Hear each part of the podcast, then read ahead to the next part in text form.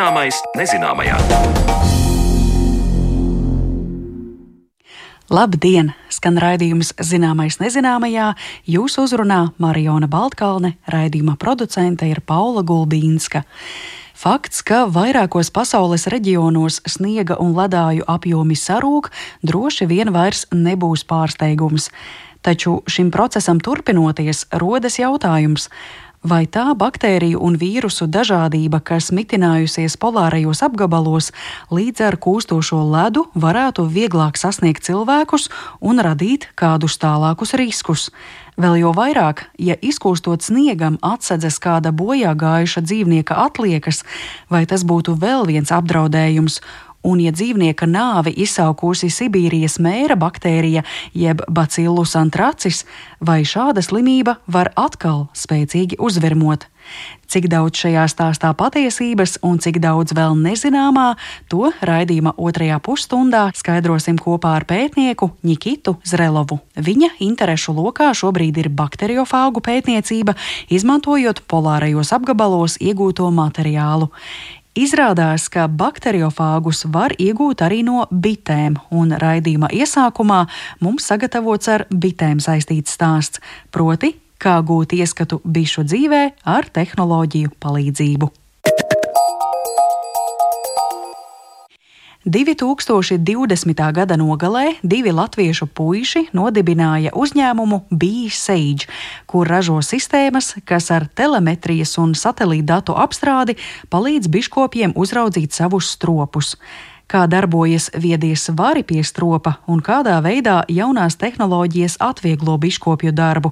Par to manai kolēģei Zanē Lācei Baltāksnei stāsta viens no B-Sage līdzdibinātājiem Rū Vikmanis. Es nesen blogā publicēju rakstu, kas saucās Bites vajag saprast, nevis glābt. Un tam tiešām es ticu, ka mēs esam pārlieku koncentrējušies uz šo te bišu glābšanu, kas patiesībā mazliet ir tā tāda augstprātīga ideja, ka mēs tagad kā varoņi, kaut arī bites 120 miljonu gadu ilgāk ir bijis uz šīs zemes, tagad nu, mēs nāksim un viņas izglābsim, kaut arī paši mēs esam visu sagandējuši viņām. Nu, Nesmu īsties ar mieru ar tādu nostāju. Tāpēc man šķiet, ka daudz jēdzīgāk ir koncentrēties uz bišu saprāšanu. Un kā citādi mēs vēl varam viņas saprast, kā tikai caur datiem, jo tā var iegūt objektīvo informāciju. Tāpēc arī mēs, it īpaši nākotnē, ļoti koncentrējamies uz dabas aizsardzību un šo datu izmantošanu šādā nolūkā. Tā saka Rūvikmanis, viens no jaunu uzņēmuma Bīseidža līdzdibinātājiem, kurš šobrīd par savām mājām sauc Nīderlandi, kur turpina attīstīt iekārtas bišu novērošanai, proti veidot digitālas iekārtas kā palīgus draudnieku darbā. Jau pāris gadus komerciālā apritē ir nonākuši šī uzņēmuma viedie svari. Kā šādi svari darbojas un kāpēc tādi ir noderīgi, par to arī turpmākajās minūtēs mana saruna ar Rū Vikmani. Mēs izstrādājam lēmumu pieņemšanas atbalsta sistēmu, lai palīdzētu biškopiem, kā arī bišu aizsardzībā ieinteresētajām personām un organizācijām, gan mazināt riskus, gan arī vienlaikus eh, novērtēt bioloģisko daudzveidību un pašiem biškopiem, protams, palielināt ražu, jo tas vienmēr ir svarīgi. Un mūsu apatūra un programmatūra ļauj ilgspējīgi iegūt lielāku ražu biškopiem, izmantojot telemetriju un arī satelītu datu apstrādi.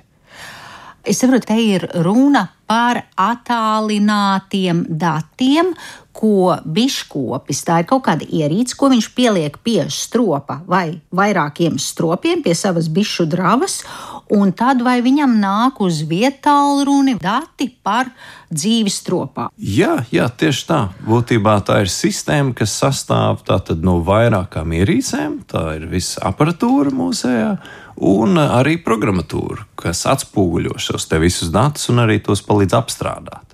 Un pirmā no šīm ierīcēm, ko mēs laidām gaisā jau 20. gada beigās, pirmo prototipu, ir viedie stropas svari. Ko tas nozīmē, viedie stropas svari? Tas nozīmē, ka tāpatās kā jums un citiem noteikti ir vannas istabas svari, lai, lai sevi nosvērtu. Tāpat tās arī ir citas ierīces, kas var nosvērt dažādas citas priekšmetus, un šajā gadījumā bišu stropu. Atšķirība tāda, ka ierīce ir vieda. Tas nozīmē, ka viņi ir pieslēgti internetam, un ik pa laiku viņi automātiski sūta šos datus, Ko tieši vai tas ir saistīts ar bišu aktivitāti, tad, kad eh, bites eh, nes eh, uz stropu putekšņus? Tieši tā, tieši tā medū pārstrādā nektāru, to bites ievāc no kultūra augiem. Un tāpat tās arī viņas nes putekšņus, kas ir nepieciešams pēriem un, un, un citiem bišu bioloģiskiem procesiem. Un no tā visa arī šis svars mainās dinamiski. Un ko tas tieši palīdz biškopiem, ir šī lēmuma pieņemšana un risku mazināšana. Viens no šādiem lēmumiem ir, piemēram, kad pievienot medus telpu stropam. Un tas notiek tieši tad, kad notiek nektāra plūsma dabā, ko mēs nevaram paredzēt vai precīzi zināt, kad tas notiek. Piemēram, grīķi, ja? nu, kad šie sāk ziedēt, tad šie sāk ziedēt. Nav konkrēts datums, kas katru gadu būs vienāds tie zied tikai uh, aptuveni trīs nedēļas, ja nemaldos. Nu, piemēram, ja nokavē biškopis to pirmo nedēļu, neaizbrauc uz to drābu, nu, tur varētu būt 33% zaudējums. Nokavē divas nedēļas, varētu būt 66%. Šādā veidā mēs mazinām šos riskus biškopiem, jo viņiem ir dati pat taisno no dravas. Biškopība ir ļoti, ļoti sens amats, un, ja mēs tagad runājam par šīm viedajām ierīcēm, kā tas atšķiras, kā tas, piemēram, bija pirms gadiem, nu, 20, 30 vai 130? Nu, joks tāds, ka tas jau viss ir pašā sākumā. Mēs nesen taisījām aptauju, saprast, cik vispār nu, no mūsu teikt, sasniedzamajiem potenciāliem klientiem, cik liels procents no viņiem kādreiz ir izmantojuši kādu viedo ierīci biškopībā. Šis procents no vairākiem simtiem biškopju aptaujājot bija 14%. Protams, ka tas viss ir vēl pašā sākumā. Un, un tāpēc jā, nu, galvenais ir parādīt, kā šī te tehnoloģija tiešām var atvieglot biškopiem dzīvi, Jo biškopa darbs nav viegls. Vēl viens jautājums, ko mēs uzdevām šajā aptaujā, bija par to, kas tad biškopībā ir visgrūtākais. Numur viens atbilde bija tiešām fiziskā slodze, un otrā atbilde bija eh, šo informācijas un datu nepietiekamība un nesamība. Nevar zināt, kas tur īsti notiek. Tāpēc jau arī Vinijas Pūks teica, ka ar bitēm nekad neko nevar zināt. Mēs cenšamies pierādīt, ka tomēr var. Tātad viens, kas, es saprotu, šis produkts šobrīd jau ir apritē, ir šie viedie svari, kuri ziņo drauniekām, kā tad tā medus plūsma notiek eh, stropā. Kas vēl ir kādus parametrus, tad šodien biškopis, izmantojot bīseidžu produktus, var saprast, iegūt? Tātad šie viedie stropi svāri ievāc svara datus reizi stundā, tāpat tās arī dravas temperatūru un arī lokāciju. Jo tad mēs arī to visu varam redzēt kontekstā un saprast, kas notiek apkārtnē. Pievienojot arī citus datus, piemēram, satelīta datus. Vai novērošanas kamera pie stropa? Nē, nē, nē, tīri kā tas izpaužas. GPS lokācija. Tas Jā. gan palīdz arī biškopim būt drošam, ka kāds viņam nenospers, piemēram, šos svarus. Kaut arī tas būtu ļoti stulbs zaglis, jo svarus jau nevar lietot, ja nav arī konts arī lietotnē. Bet katrā ziņā tas palīdz eh, šajā gadījumā, un mums tas palīdz saprast, kas notiek apkārt. Jo visi dati jau sniedz lielāku vērtību tieši kontekstā. Kādi tie svari izskatās, vai varat aprakstīt? Būtībā tās ir divas eh, līstes, uz kurām tad stāv šis strops. Līstēm ar uh, vadiem ir pievienotas, tā teikt, uh, varētu tās dēvēt par smadzenēm. Maza kastīte, kur ir iekšā baterija, modēms, temperatūras sensors, visas pārējās lietas, kas nepieciešamas un uh, svara sensori ar lielu precizitāti, līdz uh, eh, 20 gramiem, uh, šo svaru arī atspoguļo lietotnē. Pēc tam biškopim uzreiz nav jāgaida. Tas viss notiek reāli laikā. Par temperatūru runājot, zinot, ka nu, biškopi tāpat rudenim nākot, iet un, un sedz e, stropus, ieziemo bites, un arī bitēm, ja paliek pa augstu iekšā šie mazie dzīvnieciņi, paši veido to kamolu, lai regulētu temperatūru stropā. Ko dod šī precīzā temperatūra? Temperatūra ļauj arī pieņemt eh, lēmumus dravā darba laikā. Nu, piemēram, ja jāsaprot, vai stropu vispār ir vēlams atvērt šādos apstākļos, vai ir eh, nepieciešamā temperatūra kaut kāda procedūra veikšanai. Tā kā jā, tā ir dravas temperatūra šobrīd no svariem, bet attīstam arī vēl citu ierīci, kas konektējas klāt svariem caur Bluetooth. Un tā ierīce, mēs to saucam Hive Node, tā ies iekšā pašā stropā, un tad būs temperatūra arī no stropa līgzdas, kā arī mitrums un vēl arī skaņa kur jau pavisam interesantas lietas varēsim atklāt nākotnē. Man interesē, ko pašas bites par to saka, respektīvi, kā kukaiņi reaģē uz šīm visām elektroniskajām ierīcēm. Nu, tāpēc jau arī mēs tiešām bitēm esam pievērsušies, jo patiesībā mūsu misija ir ļaut bitēm dalīties ar zināšanām, ar cilvēkiem caur reāla laika datiem. Par šo ierīci stropā, nu, pagaidām sūdzēšanās nav nekādā saprotamā veidā, un arī pētījumi, kas ir veikti, piemēram, par radiācijas starojumu un tādā garā, ir uh, attiecināmi tikai uz lielākām, daudz starojuma ietilpīgākām ierīcēm, kā piemēram mobilais telefons, kas visu laiku ir ieslēgts. To vajadzētu tomēr izslēgt ārā, kad dodies uz drābu. Bet mūsu ierīce pieslēdzas mākonim tikai reizi stundā, un tā kā tur nevarētu būt nekādas problēmas. Un, ja no mūsu vairāk kā 50 klientiem, ja, ja viņiem būtu šīs bites aizgājušas streikā pēc mūsu viedos stropas vāru uzstādīšanas, tad nu, es domāju, viņi mums liktu to zināt, un jaunas ierīces viņi noteikti neiegādātos. Bet nu, tā nav. Tā kā noteikti izskatās, ka viss ir ok šajā sakarā. No kurienes eh, radās šī ideja, jā, šajā senajā profesijā ienest un izstrādāt eh, viedierīces? Kāpēc tieši biškopība? Viss sākās ar eh, sagadīšanos, un tā teikt, īstajā vietā, īstajā laikā. Es biju pēc ilgas dzīves ārzemēs, 15 gadus pavadīju ārzemēs, biju atgriezies Latvijā un es plānoju studēt computerzinātni. Man bija pāris jau tehniskas idejas pirms tam, kas, diemžēl, izgāzās dēļ zināšanu neesamības, un tad sapratu, ka jāpieiet lietai nopietni. Paralēli stājoties universitātē, es arī piedalījos šajā hackathonā, kas ir veltīts bija lietu internetam. Tātad dažādi sensori, kurus varētu lietot šādiem mērķiem. Un uh, tur es satiku savu līdzdibinātāju, kurš ir pieredzējis elektronikas inženieris, jo man par šo sfēru zināšanu nav, bet vairāk tieši par programmatūru un biznesa aspektiem. Un tā kā mēs šo te hackathonu, kas ir būtībā tāds pasākums, kur tehniski cilvēki satiek cilvēkus ar idejām un biznesa pieredzi, šo mēs uzbūvējām šo pirmo prototipu 36 stundu laikā uzvarējām. Un, tā arī kopš tā laika esam pievērsušies bīsēģi pilnībā.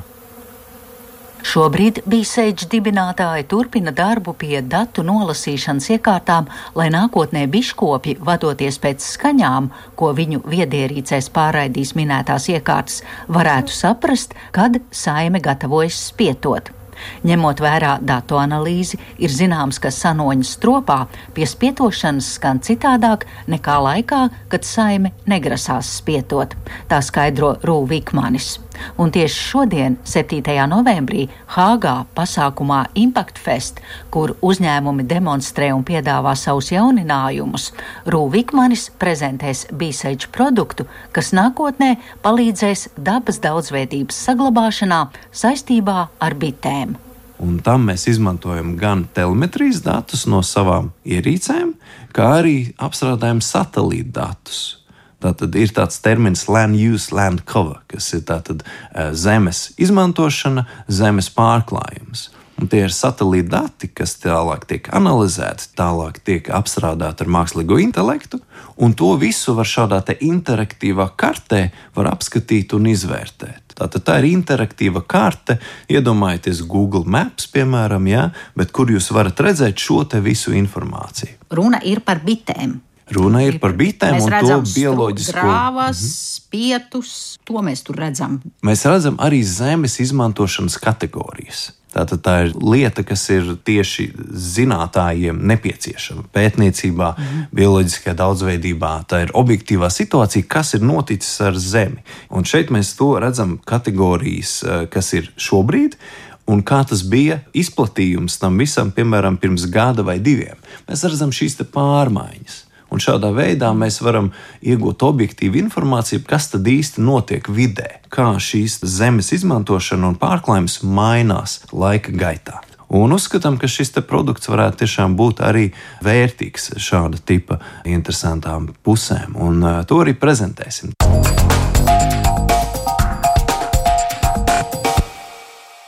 Par bišu stropu uzraudzību izmantojot tehnoloģijas stāstīja Rū Vikmanis, ar kuru tikās Zane Lāce Baltāksne. Molekulārās bioloģijas tehnoloģijas ir svarīgas arī, lai tuvāk izprastu baktērijas un vīrusus no polārajiem reģioniem, un tieši par šiem organismiem un to, cik bīstami patogēni tie spēj būt, pārunāsim raidījuma turpinājumā.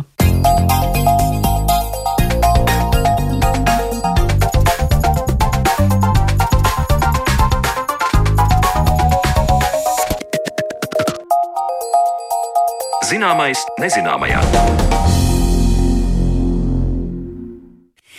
Klimatam kļūstot siltākam, atkūst tās planētas teritorijas, kur ir mūžīgais sasalums. Izskan bažas, ka līdz ar ledu atbrīvosies arī patogēni, kas cilvēkam var būt nāvējoši. Cik pamatots ir satraukums par Sibīrijas mēra un citu slimību atgriešanos cilvēces dzīvē, un kas notiek ar šiem vīrusiem un baktērijām tik augstos apstākļos. Par to plašāk raidījuma turpmākajās minūtēs, un uz sarunu esam aicinājuši Latvijas biomedicīnas pētījumu un studiju centra pētnieku Nikitu Zrelovu. Labdien! Labdien! Nikita, zinu, ka jūs savā pētījuma un studiju centrā strādājat arī ar šiem jautājumiem, un pie tā mēs arī sarunas laikā nonāksim. Bet iesākumā gribētu vispār saprast, cik daudz mēs zinām un apjaušam par to, kādi patogēni, baktērijas, vīrusi, varbūt vēl kaut kas cits, varētu būt sastopami šajās mūžīgās sasaluma teritorijās. Cik daudz tas ir apzināts? Nu, to ir grūti spriest, jo īstenībā es teiktu, ka relatīvi maz pētījumu ir vispār veikts. Un lielākā daļa pētījumu, kas tiek veikti nu, sakarā ar mūžīgo sasalumu, tie ir veikti balstoties uz molekulārām metodēm, kas neietver sevi tiešo organismu izolāciju.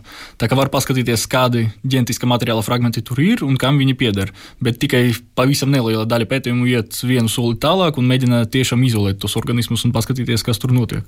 Un tā kā reāli mēs zinām, ka tur ir daudz kas unikāls, kas vēl nav zinātnē pieejams. Bet nu, arī jāsaprot, ka, piemēram, runājot par baktērijām, tad ir tāda parādība, ka liela plašu skaita anomālija. Ka to, ko mēs redzam, pieņemsim, mikroskopā, apskatot kaut kādu vidas paraugu, mēs redzam daudz, daudz vairāk šūnu, nekā reāli mēs varam redzēt koloniju, kad mēs mēģinām viņus izaudzēt. Mēs nevaram replicēt tādus apstākļus, kuros viņi varētu augt. Tā kā principā zinātnieki lielāko daļu vispār eksistējušu baktēriju nemāku vienkārši uzaudzēt, mm. lai varētu viņu pētīt vairāk nekā tikai ģenētiskā materiāla paraugā. Tad tas sanāk tā, jūs teicāt, molekulārā metode vairāk nekā tā metode, kad mēs patiešām izdalām. Kā tas izpaužas, ka mums laboratorijā jau ir kaut kāds materiāls, mēs to pētam, analizējam un mēģinam saprast, vai tas ir saistīts ar mūžīgā sasaluma teritorijām? Nu, turisti tā nav. Cik es saprotu, lielākā daļa pētījumu speciāli dodas ekspedīcijas, paņemt kaut kādu uztaisītu turbumu, paņemt konkrēti, ja viņi var dziļuma paraugu, kuru viņi var nodatēt, cik sens tas ir ar kaut kādu radioaktīvu oglekļa datēšanu. Un, tā, un tad viņi principā to paraugu ļoti rūpīgi apstrādā, lai novestu kontaminācijas risku pēc tam, kad viņš nonesis laboratorijā. Nu, ja tas ir pieņemsim kaut kāda tāda kolona ar ledu, tad tur to virsējos slāņus nomazgā, noņem, nu, lai pārliecinātos, ka tiešām nav modernas baktērijas, kuras tur kaut kur transportējot, vai vienkārši kontaminācija. Nu, tā saucamā. Un tad to visu atkausē, mēģina izdalīt totālo ģenētiskā materiāla daudzumu, Nu, tur var to darīt tikai uz DNS, var darīt gan uz DNS, uz RNS. Un tad, principā, visu to zupu ar visiem ģenētiskā materiāla fragmentiem, no jebkā, kas tur ir bijis, jā, var nosekvenēt, un pēc tam būs daudz tādu burtiņu virknīšu. Un tas burtiņu virknītes tad var mēģināt analizēt un saprast, kam viņi ir līdzīgi no aprakstītiem organismiem. Tur un tā, un tas arī neaprobežojas tikai ar baktērijiem vai vīrusiem. Tur var ar šito pētīt nu, visu arī dzīvniekus, kādi tur bija Bet tad sanāk, ka redz ir tā, ka iegūst gan paraugu un pēc tam veic molekulārās metodes. Vienkārši tas nav ļoti intensīvi darīts, jā? Nu, principā, jā, es domāju, ka tur sarežģījumi ir arī, ka tādu ekspedīciju nosponsorēt, nu, pieņemsim, ka visticamāk geologiem varbūt tas ir ierastāk, bet, nu, piemēram, es nemaz nezinu, kā plānot tādu ekspedīciju. Pat ja man būtu iespēja un finansējums doties tādā ekspedīcijā, ka tur vajadzētu, protams, konsultēties ar kolēģiem, man liekas, arī juridiskie jautājumi ir vai var vispār no jebkuras teritorijas tur ņemt tos paraugus un izvest viņus. Ja viņus vajag pareizi sagatavot, pareizi transportēt, tas viss, lai tur neizkust uzreiz. Tur tādas lietas ir, kas to visu sarežģīja. Un kopumā es domāju, ka tas jautājums īpaši varbūt nebija tāds plaši aktuāls pirms tur sākas SARS-CoV-2 pandēmija, un tad līdz ar to arī sākas visas tas bažas. Nu, un zinot, cik daudz mums dažādās pasaules teritorijās ir šis ledus, kas vēl tomēr nav izkusis, Arktika, Antarktika un arī citi reģioni, tad vispār saprast, kur tad mēs tagad dosimies un kur tos paraugus ņemsim, tas tiešām ir vesels plānošanas jautājums. Nu, tad eh, līdz ar to, ja jāatbild uz jautājumu, cik daudz mēs vispār zinām par to, kas mums šajās mūžīgā sasaluma teritorijās ir un cik šie organismi ir seni, varētu teikt tā, ka nu, daudz mēs neko nezinām zinām. Jā, bet tas īstenībā neaprobežojas tikai ar mūža saslumu. Mēs pat nezinām, kā, apmēram, kas mums zem zemes parastajā augsnes virsmas slānī ir. Mēs Jā. pat līdz galam neapzināmies tur, ka lielākā daļa no tur mītošām baktērijām arī, pieņemsim, nekad vēl nav bijušas izolētas. Jā, un arī, piemēram, jūrās un okeānos, Jā. ūdeņos, vai ne? Bet tad jautājums, ja šīs eh, baktērijas un eh, vīrusi tomēr šajās mūžīgās asaluma teritorijās ir, kā tas vispār tur spēj saglabāties ilgus gadus šajās zemajās temperatūrās, kā šie organismi var dzīvot? Nu, tur ir tā, ka dažas lietas jau ir izprastas, bet lielākā daļa, protams, vēl ne. bet, nu jā, tika parādīts, ka baktērijas spēj vairoties dažas pat tur minus 15 grados. Tā kā aktīvi notiek replikācija, tā kā viņas nevienkārši tur atrodas un izdzīvo un visus visus nelabvēlīgus vides apstākļus, bet reāli notiek metabolisms un viņi tur kaut ko dara. Vēl mīnus 15 grādos. Jā, un pat bija mēģinājumi modelēt nu, to metabolismu, visus tos enerģijas procesus, un it kā, kā tas dators simulācijas pārēdz, ka varētu būt tā, ka ar to, ko mēs zinām tagad par baktēriju vispār metabolismu, līdz pat mīnus 40 grādiem varētu atrast visticamāk baktērijas, kuras spēj nu, dzīvoties. Bet, nu jā, tur īstenībā tā vide pietiekoši nelabvēlīga, tā teikt, klasiskajām baktērijām, bet kas ir zināms, ka tās baktērijas, kas tiešām spēj tur dzīvot. Nu, pirmkārt, tur jāsaprot, ka tas mūžīgais saslums tas nav tikai nu, ledus slānis, kur viss nu, iekapsulēts ir.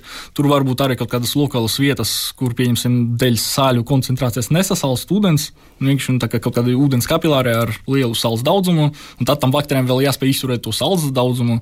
Tā, bet nu, kopumā pie pazeminātām temperatūrām, protams, tur paliek stabilāks ģenētiskais materiāls. Piemēram, RNS veidojas vispār sekundāras struktūras, kas tiešām traucē tai baktērijai tur replicēt savu ģenētisko materiālu un kaut ko darīt. Nu, tad viņi evolucionāri ir pielāgojušies tā, ka viņiem ir tur kaut kādi šaperoni, kuri tur atvītas sekundāras struktūras struktūras, lai ļautu lietam notikt. Tad viņiem ir proteīni, kas ir adaptēti strādāt tādas pazeminātas temperatūras, un tas ir tieši viena no lietām, kas izraisa interesi.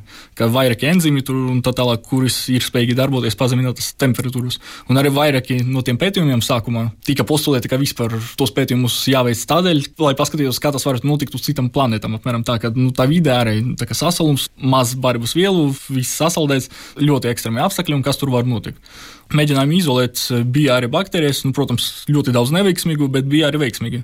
Mm. Un, tā kā, un, principā, lai kaut ko tiešām izpētītu, kā tā baktērija spēj tur izdzīvot, tad nu, vajag dabūt tomēr to izolētu. Jo tur būs tā, ka viņai būs kaut kādi gēni, kuri koda proteīnus, kuru funkcijas mēs nezinām. Tad sanāk, ka, ja mēs salīdzinām tās baktērijas, kuras spēj izdzīvot eh, šādās ekstrēmās vietās, un tās, kuras eh, nespēj, tad eh, tām izturīgākajām tur ir vesels komplekss, kas arī līdz galam vēl nav apzināts, kāpēc tās spēj izdzīvot proteīni, tas un tas vesela sistēma problēma. Jā, jā, bet nu, arī ir otrs variants, ka ir nu, sporu veidojušas baktērijas, kas izveido nu, tādu miera stāvokli, kur viņi nav dzīvi, bet viņi vienkārši gaida, kad vidas apstākļi paliks labāki.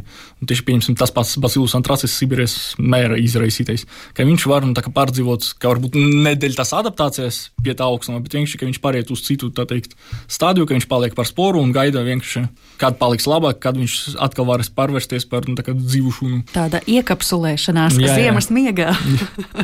jā, bet nu, tur daļa vienkārši nu, aizmiega, tā teikt, un gaida labākus apstākļus, bet daļa reāli spēja kaut ko darīt. Un tieši šitie, manuprāt, izraisa lielāku interesi, kuri spēj kaut ko darīt, jo nav zināms, kāpēc līdz galam, kāpēc viņi spēj to visu darīt.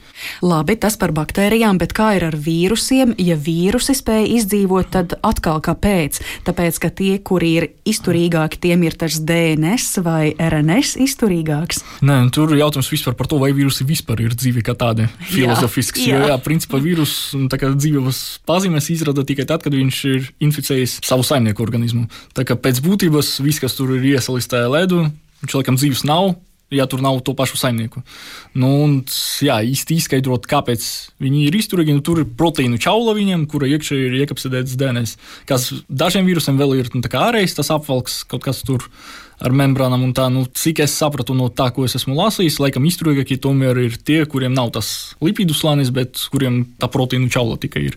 Un tā kā es hipotezēju, ka droši vien nav vienkārši apstākļu, kuri viņus grautu. Ja viņš var iesalt, pieņemsim, un tie ledus kristāli nesabojāja viņu vīronu struktūru, tad es neredzu, kāpēc viņš nebūtu inficēt spējīgs. Un arī bijušie pētījumi, kur tos ļoti, ļoti senus vīrusus, kuri tur apmēram bija iesaldēti, tad, kad vēl staigāja tur mamuti un tie degunraģi matainie. Un pat man liekas, jā, jā neandertālieši, kad tur izmēra kaut kādus 40 tūkstošus gadus atpakaļ. Nu, vecākais, laikam, vīrus, par ko ir droši pierādījums, ka viņš tika atdzīvināts, bija laikam 48 ar pusi tūkstošus gadu vecs kur ir reāli pierādījumi, replicēts, ka nu, tā parauga jau var dabūt. Bet, nu, atkal tie pētījumi, kad mēģina atzīmēt, tur tas pats uh, autors, viena intervija, kuru es skatījos, viņš teica, ka viņi, protams, nemēģināja cilvēka vīrusus, mēģināt dabūt no tiem paraugiem. Viņi strādā ar amēbu vīrusiem. Bet, nu, ja amēbu vīrusus, kuri tur ir gandrīz 50 tūkstošus gadus veci, var izgūt, tad viņš neredz iemeslu, kāpēc nevarētu, tā kā pieņemsim, cilvēka vīrusu izgūt, kurš tur inficēja neandertāliešus, pieņemsim. Mēs uh, nezinām, cik liela baktēriju dažādība mums ir mūžīgajā sasalumā, augsnē, jūrās un okeānos, un uh, vienlaikus mēs vispār pat arī nemaz nezinām un nevaram prognozēt un saprast, kā šie sasaluma teritorijās esošie vīrusi uzvestos, ja tie nonāktu saimnieku organismā. Jo kaut kas tur tajā sniegā salā ir, it kā dzīvotspējīgs, bet īsti funkcionāls nav. Prognozēt, kā tas tiešām rīkotos, nonākot līdz dzīvam organismam, tad to var tikai tā modelēt un filozofēt. Nu, principā, jā, jā bet nu, pierādījumi ir par tiem amēbu vīrusiem, ka jā. tur pie tam vairāki bija. Lielākā daļa no vienas un tās pašas autoru grupas, kuri tur devas ekspedīcijas uz to Kolimā upi uz, man liekas, Jāna upe, nu, kad tur tālajos, tur Krievijas sanāk, austrumos, ziemeļaustrumos. Un tad viņi, jā, tur ņēma paraugus, bet nu, tur arī Viņa tā aprakstīja, ka vispār ir tā, ka tas mūžīgais sastāvs, kad viņš atcels, tad tur var iet un uziet apmēram kādu daļu ar spalvām no kaut kāda sena dzīvnieka vai kas tamlīdzīgs. Un, protams, tā arī var visu skatīties, mēģināt. Un, jā, ko viņi parādīja, ka principā tie senie vīrusi tāpat spēj inficēt, un tā kā mūsdienu amēbas. Un ka tas šķērslis pāris desmit tūkstoši gadi nu, nebija īsti par šķērsli. Un tas arī raisa papildus varbūt bažas, ka kas notiks, ja tiešām izlīs kaut kāds vīrus, kurš spēs inficēt veiksmīgi cilvēku. Bet nu, tur arī jāsaprot, ka viņam jānonāk kontaktā ar to cilvēku pirmkārt. Tas, es domāju, kaut kur tundras vidū nav bieža parādība, ka cilvēks var uziet kaut kādam tādam atsalušam vīrusam. Tas arī taisnība. Bet eh, redz, tad mēs līdz ar to arī esam nonākuši par tām bažām, kas pēdējo gadu laikā izskan aizvien biežāk, un tas lielā mērā ir saistīts ar notiekošajiem procesiem pasaulē, kas jau ir pierādīts par kūstošajiem ledājiem dažādās pasaules vietās, Arktikā un ne tikai Arktikā.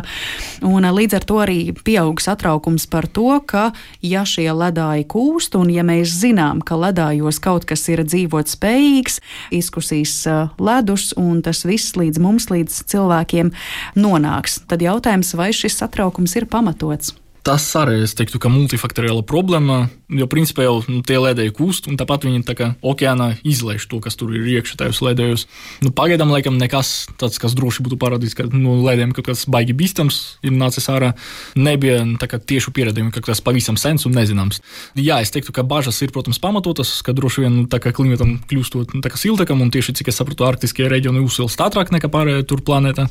Nu, droši vien cilvēku varbūt apdzīvotība paliks lielāka tajos reģionos, varbūt sāksies kāda industrializācija. Tur. Tas, protams, nu, palielinās cilvēku saskarsmi ar to, kas tur ir bijis iesaldēts.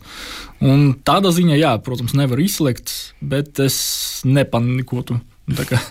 Daži es teiktu, ka baigi baidās no tā visa, bet manuprāt, nē, nu, pieņemsim, kā parādīja tas pats SARS-CoV-2 jauns vīrus, bet nu, diezgan ātrā laikā pasaule spēja tikt galā.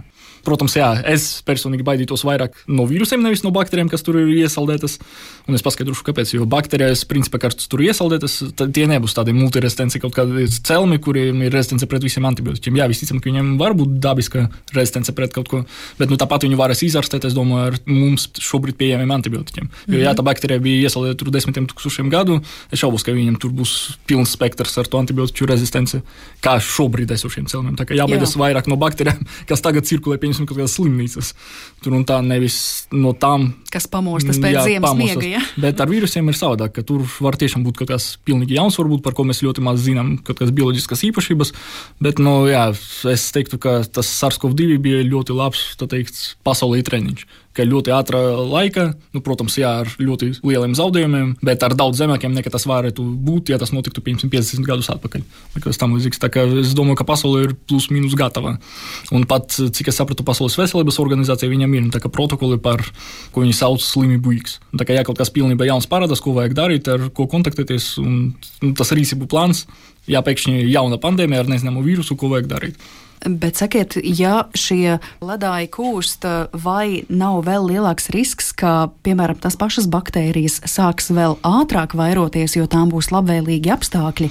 Nē, tas arī atkarīgs no tā, vai tā ir iesaldēta baktērija, kurai tie apstākļi ir nelabvēlīgi, tad viņa viņam nav pielāgota. Tad, protams, paliekot apstākļiem labākiem, piemēram, tā spora pārvērtīsies par dzīvu baktēriju, sāks dalīties. Jā, tiešām.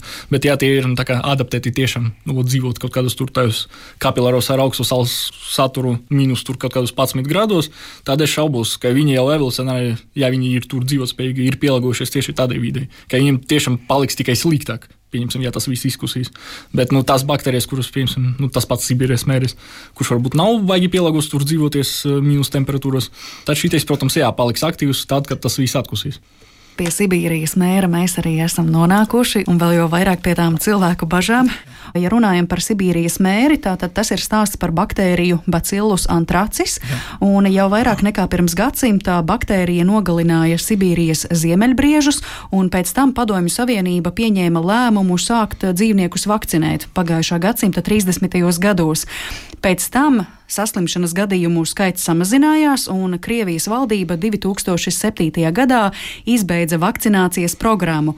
Un tas vēlāk radīja bažas, ka iespējams šī vakcinācijas programmas izbeigšana radīja priekšnoteikumus jaunam uzliesmojumam, proti 2016. gadā, kad atkal šī patī baktērija nogalināja vairāk nekā 2600 ziemeļbriežu, bet stāsts bija vēl skarbāks, jo saslima arī 36 cilvēki, tostarp 12 gadus vecs zēns, kurš nomira. Tātad šis gadījums pierāda, ka tomēr arī tajās tālajās tundrās kaut kam tiekot uzraktam, risks ir gana liels. Nē, nu, risks tiešām ir, bet viņu nevar izslēgt. Es teiktu, ka tikpat liels risks mums ir principā darīt jebko, par ko mēs maz ko zinām. Nu, piemēram, par to mūžīgu sasalomu mēs maz ko zinām. Nu, tad, protams, viņu vajag vairāk pētīt. Tad mēs labāk apzināmies tos riskus, varbūt rīcību plānus. Nu, man liekas, atkal nu, tas visticamāk tie zemeļbrieži un kaut kādi cilvēki, kas tur dzīvo, un tie ir lokālas populācijas, natīvas, kuras varbūt dzīvo tur nebaigi tehniskos apstākļos un tā tālāk. Bet, ja mēs runājam par to, ka pēkšņi tur sāk veidoties kaut kāda industriāla pilsētiņa vai kas tam līdzīgs, tad tur droši vien obligāti būtu vienkārši jāizsūta nu, normāls medicīniskais personāls ar visiem antibiotikiem un tā tālāk. Jo, principā, nu, kā jūs pati minējat, nomira tikai viens cilvēks, un pie tam viņš visticamāk nomira dēļ tā, ka viņš nebija pietiekuši ātri konstatēts un pietiekuši ātri sākts ārstēts. Jo es nedzirdēju, ka bacillus antracis būtu baigi multiresistents, ka viņš, cik es sapratu, ļoti labi padodas ārstēšanai ar antibiotikiem. Mm. Tā kā tur galvenais tā pieejamība. Nu, protams, es šaubos, ka tur tam natīvam populācijām, tajos ziemeļos, nu, tādas iespējas bija, tā teikt. Bet eh, šie gadījumi parāda, ka tādi uzliesmojumi Sibīrijas mērim varētu notikt atkārtoti, jo tam mēs redzam ar tādu lielu laika intervālu. Tad vienreiz bija, tad atkal, vai arī gribētos ticēt, ka šis mums tomēr jau ir iemācījis, ka ir jābūt sagatavotiem. Nē, es domāju, ka no jebkuras pieredzes jāmācās, un tāpēc jā, tas viss atkarīgs no tā, cik mēs paši tur gribam iet pie kaut kādiem ziemeļbriežu līķiem tur un tā tālāk un skatīties. Pieņemsim, ja tas ir pētnieks, tad pētnieks visticamāk būs ļoti uzmanīgs. Ja viņš tur tiešām grib izpētīt kaut kādus izolētus no atsevišķiem tur mirušiem ziemeļbriežiem, tad es šaubos, ka iespēja tam pētniekam inficēties kaut kāda būs, ja viņš visas piesardzības tur ievēros prasības.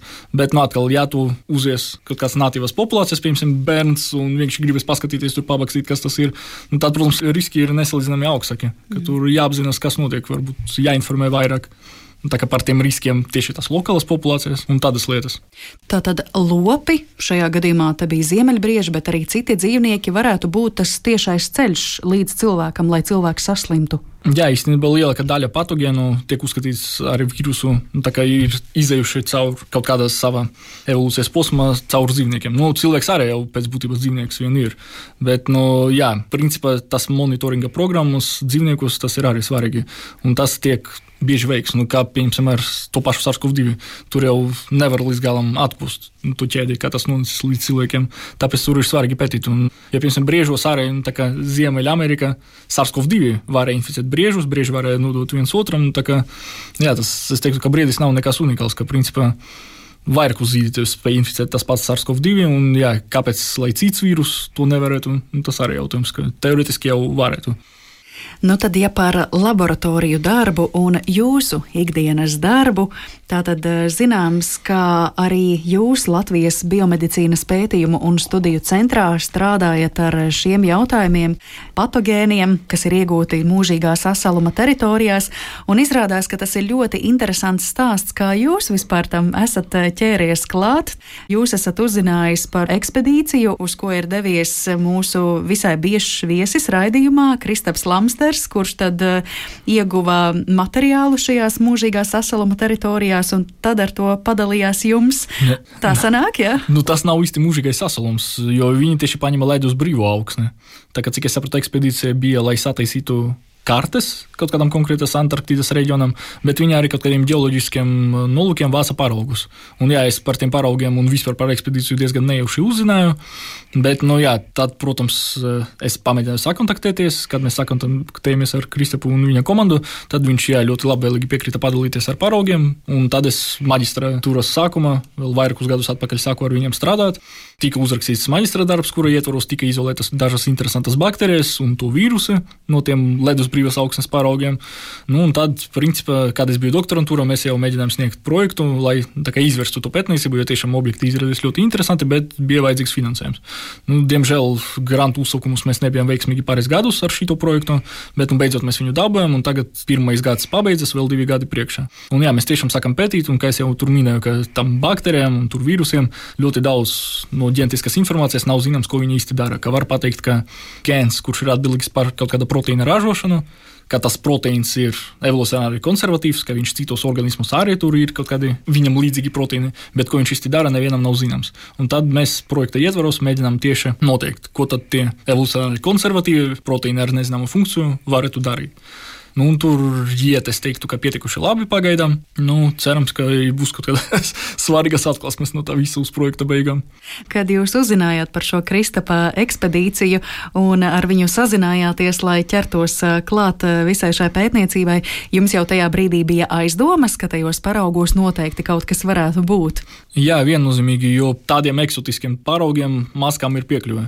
Tagad tas ir principā vai nu kaut kāda liela pētniecības centri, vai nu tās valstis, kuram ir pētniecības ekspedīcija ekspedīcijas, nu, patstāvīgas ir arī. Nu, Antarktīda tur kaut kādas bāzes, un tā tālāk, nu, Latvijai nav. Jā, jebkurš polārais reģions, manuprāt, būs ļoti interesants tādā veidā, jo maz pētniekiem ir vienkārši piekļuvētiem paraugiem. Mums tā bija, jā, pilnīgi jauna pieredze, un, protams, tur ir tā, ka jo mazāk kaut kādu vietu pēta, jo vairāk tur var relatīvi viegli izgūt informācijas. Jo vienkārši daudz kā jauna tur. Ja mēs tur gribēsim pētīt kaut ko visiem pieejama vidē, tur jau daudz kas būs zināms, tad tur uziet kaut ko interesantu, būs mazākā iespējamība vienkārši. Tad eh, tas viss ir sācies ar jūsu maģistrā darbu un arī tālāk eh, doktorantūrā, kuras laikā tad šos organismus izdalījāt, bet tālāk kāds būtu jūsu mērķis saprast precīzi līdz galam šos organismus, to proteīnus? Nē, nu mēs galvenokārt strādājam, nu, mana interese ir baktēriju vīrusi. Kāpēc tie ir svarīgi? Jo tie ir visizplatītākie bioloģiskie objekti uz Zemes un visģentiski daudzveidīgākie. Tas ir tas, ko sauc par bakteriofāgiem. Jā. jā, un īstenībā tos var arī pielietot nu, praktiskiem nolūkiem. Kā piemēram, paralēli mums ir viena neliela darba paka šobrīd esošajā Biomed Farm valsts pētījuma programmā, kur mēs pieņemsim, mēģinām apkarot Latvijas akvakultūrai raksturīgas baktērijas, kas ir rezistentas pret antibiotiķiem.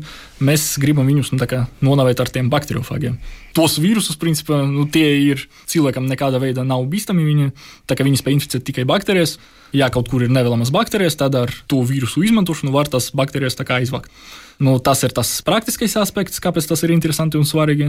Bet nu, arī fundamentālais aspekts ir svarīgs tāds, ka tie vīrusi arī spēj apmainīties ar ģenētisko materiālu, dažreiz arī ar savu saimnieku. Pieņemsim, baktērija to toksinu ražo tikai dēļ tā, ka tur iekšā sēž tas vīrus, kas paliek ar baktēriju, tā kā iesaistas, pieņemsim, chromosoma, paliek par chromosomas daļu. Pats viņš vairs baktērija it kā uzreiz nekādus bīstamību nerada, bet kamēr viņš tur sēž, lai baktērija no viņa nemēģina atbrīvoties, to viņam kaut ko labu teorētiski vajadzētu darīt.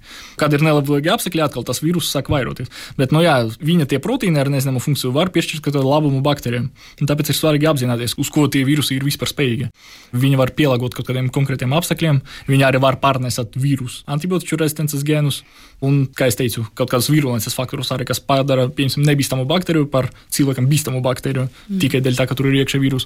Un, protams, jā, tie ir ļoti maz pētīti. Pārsvarā arī tagad ļoti aktīvi tiek viss pētīts. Principā tas ir tāds tā karsts temats no to molekulāro metožu izmantošanu, bet viņi nepasaka neko vairāk nekā sekvence. Un, ja tā sekvence ir pilnībā atšķirīga no visam citam sekvencēm, ja tas izolās no vīrusu vai baktērija mums nav laboratorijā pieejama, tad mēs nevaram izpētīt, ko tur šis viss dara, ka tas paliek daudz sarežģītāk. Bet mēs gājam to citu ceļu, kad mums ir jau pats objekts, tad tur var nu, mēģināt kaut vai pats prasākais, mēģināt nu, piemēram, izslēgt kaut kādu gēnu. Mēs nezinām, ko viņš dara, bet mēs varam viņu izslēgt un paskatīties, kas mainās. Vai viņš pēkšņi tur sliktāk vairojas, vai viņš tur savādāk izskatās.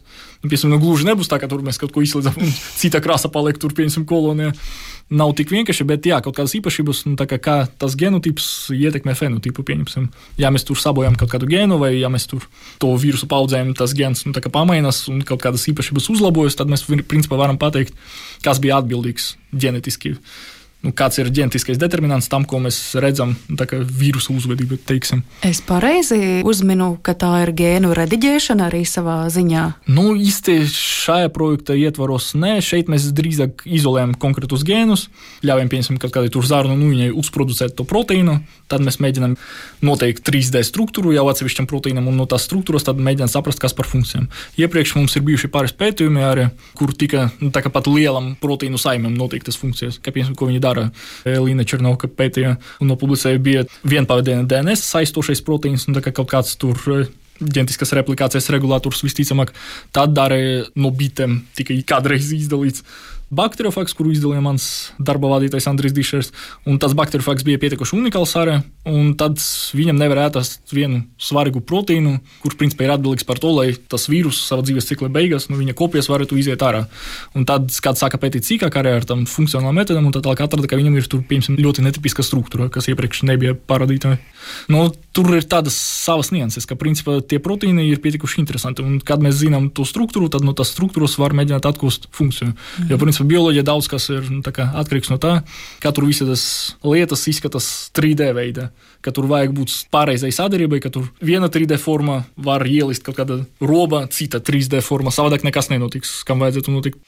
Bakteriofāks no bitēm, bakteriofāks no arktisko reģionu iegūtās augsnes. Es eh, jūsu stāsta laikā iedomājos par vēl vienu citu pētnieku, kurš arī mūsu raidījumā ir viesojies Kārlis Rācenis, kurš tieši arī pēta bakteriofāgus jau ar tādu tālajošāku mērķi, kā tas medicīnā varētu palīdzēt. Iespējams pat runā, ka bakteriofāgi varētu palīdzēt eh, karavīru ārstēšanā antibiotiku vietā un tā tā tālāk. Tā kā te izveidojas vesela pētnieku ķēde, Kristaps Lamsters, Nikita Zrelovs un Kārlis Rācenis. Varbūt jums visiem trim ir derīgi satikties kopā. Ar Karli mēs arī sadarbojamies. Kā, mēs principā pat mēģinām arī sniegt kopprojektu, un, diemžēl, kaut arī projekts bija ļoti labi novērtēts.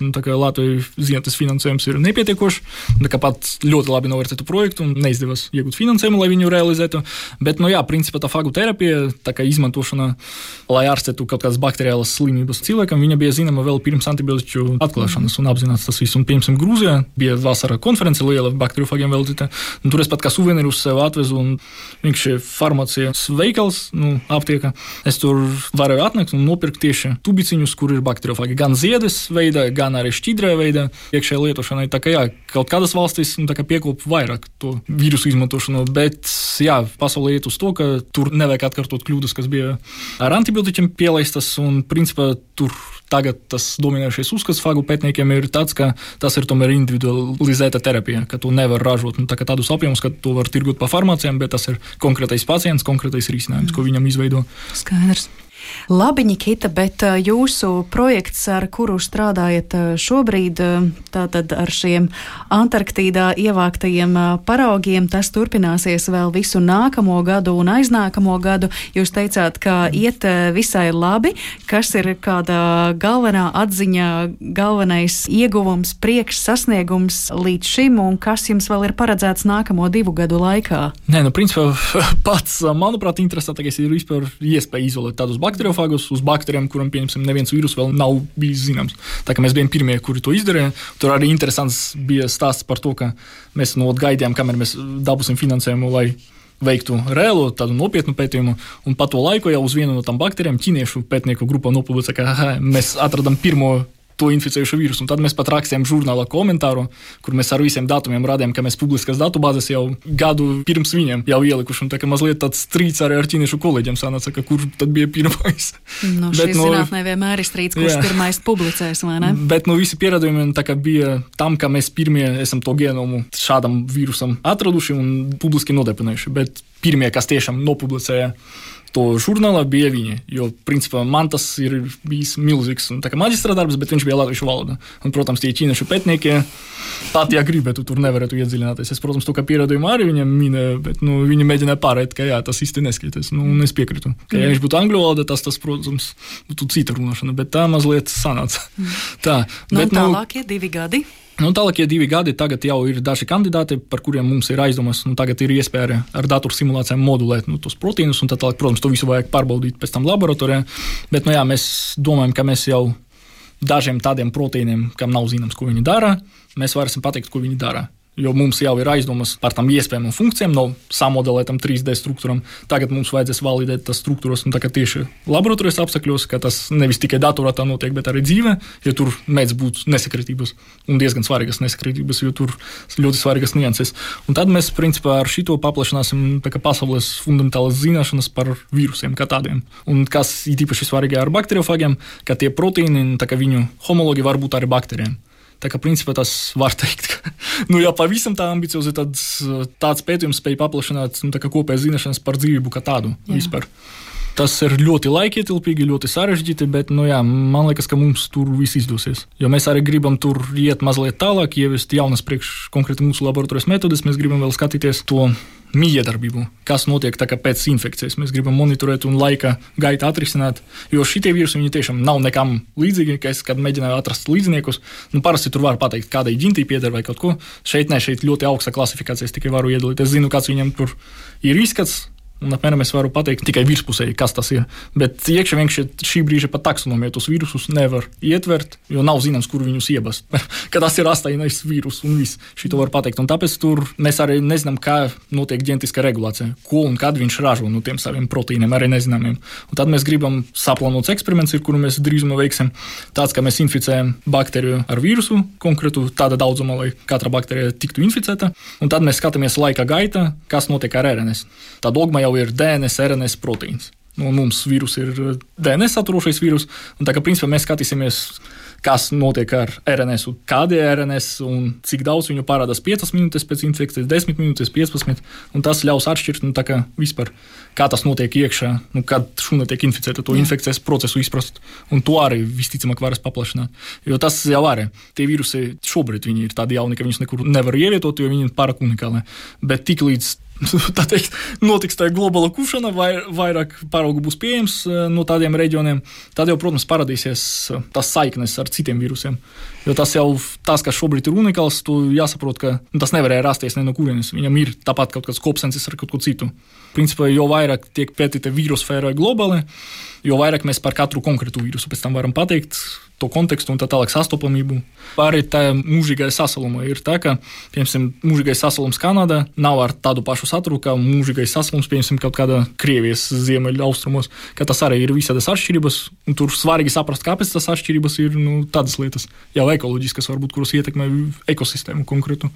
Jā, jo tur vēl galu galā ir eh, svarīgi, vai tas mūžīgā sasaluma paraugs ir tiešām no kādas ledus un sniega zonas vai no augsnes zonas. Tas ir taču pilnīgi Bet tur, kas arī interesanti, ka tas viss neaprobežojas tikai ar baktērijiem un vīrusiem, ka bija gadījums, kad spēja atdzīvināt vismaz 27,000 gadu vecu augu tiešām no materiāla, no mūžīga sasaluma iegūta. Tā kā laboratorija izdevās, un tas ir vecākais reģenerētais augs. Un arī bija iespēja, kas šokēja diezgan pasaulē, ka pats kaut kādu nematodu tarpu, ka tā spēja atdzīvināt tarpu arī, kurš bija tur vismaz 40,000 gadus vecs. Bet, ja mēs runājam par baktērijiem, tad turpat mūžīgais sasalums, tad teikt, tuvu nestāv, ka tur vispār vecākais, man liekas, ir. Ko spēja atdzīvināt un nodatēt, tas bija no kaut kādiem saules kristāliem, kur ir tur 200 miljonus gadus veci vai kaut ko, ka, principā, kad vēl saigā dinozauri, no tā baktērija tika iekļauta tajā ledus kristālā un it kā izdzīvoja. Arī tādēļ ir nu, ziņojumi. Nu, ko izskatās, ka jums vēl būs ilgs un tiešām laikietilpīgs darbs turpmāko divu gadu garumā, bet, kā jūs sarunas iesākumā teicāt, tam visam ir nozīme, lai tajā brīdī, kad mūs pēkšņi nesagatavotas pārsteidzas tādas lietas kā SARS, Covid vai kaut kas cits, mēs jau zinātu, kā ar to rīkoties, operēt, jo to tieši palīdz darīt šīs fundamentālās zināšanas. Lai turpmākie divi gadi ir ļoti ražīgi, saprotu, ka vēl plānojat, protams, arī zinātniskās publikācijas, lai tas tiek novērtēts un lai šoreiz nav neviena cita, kurš mums aizteiktos priekšā ar rakstiem citās valodās.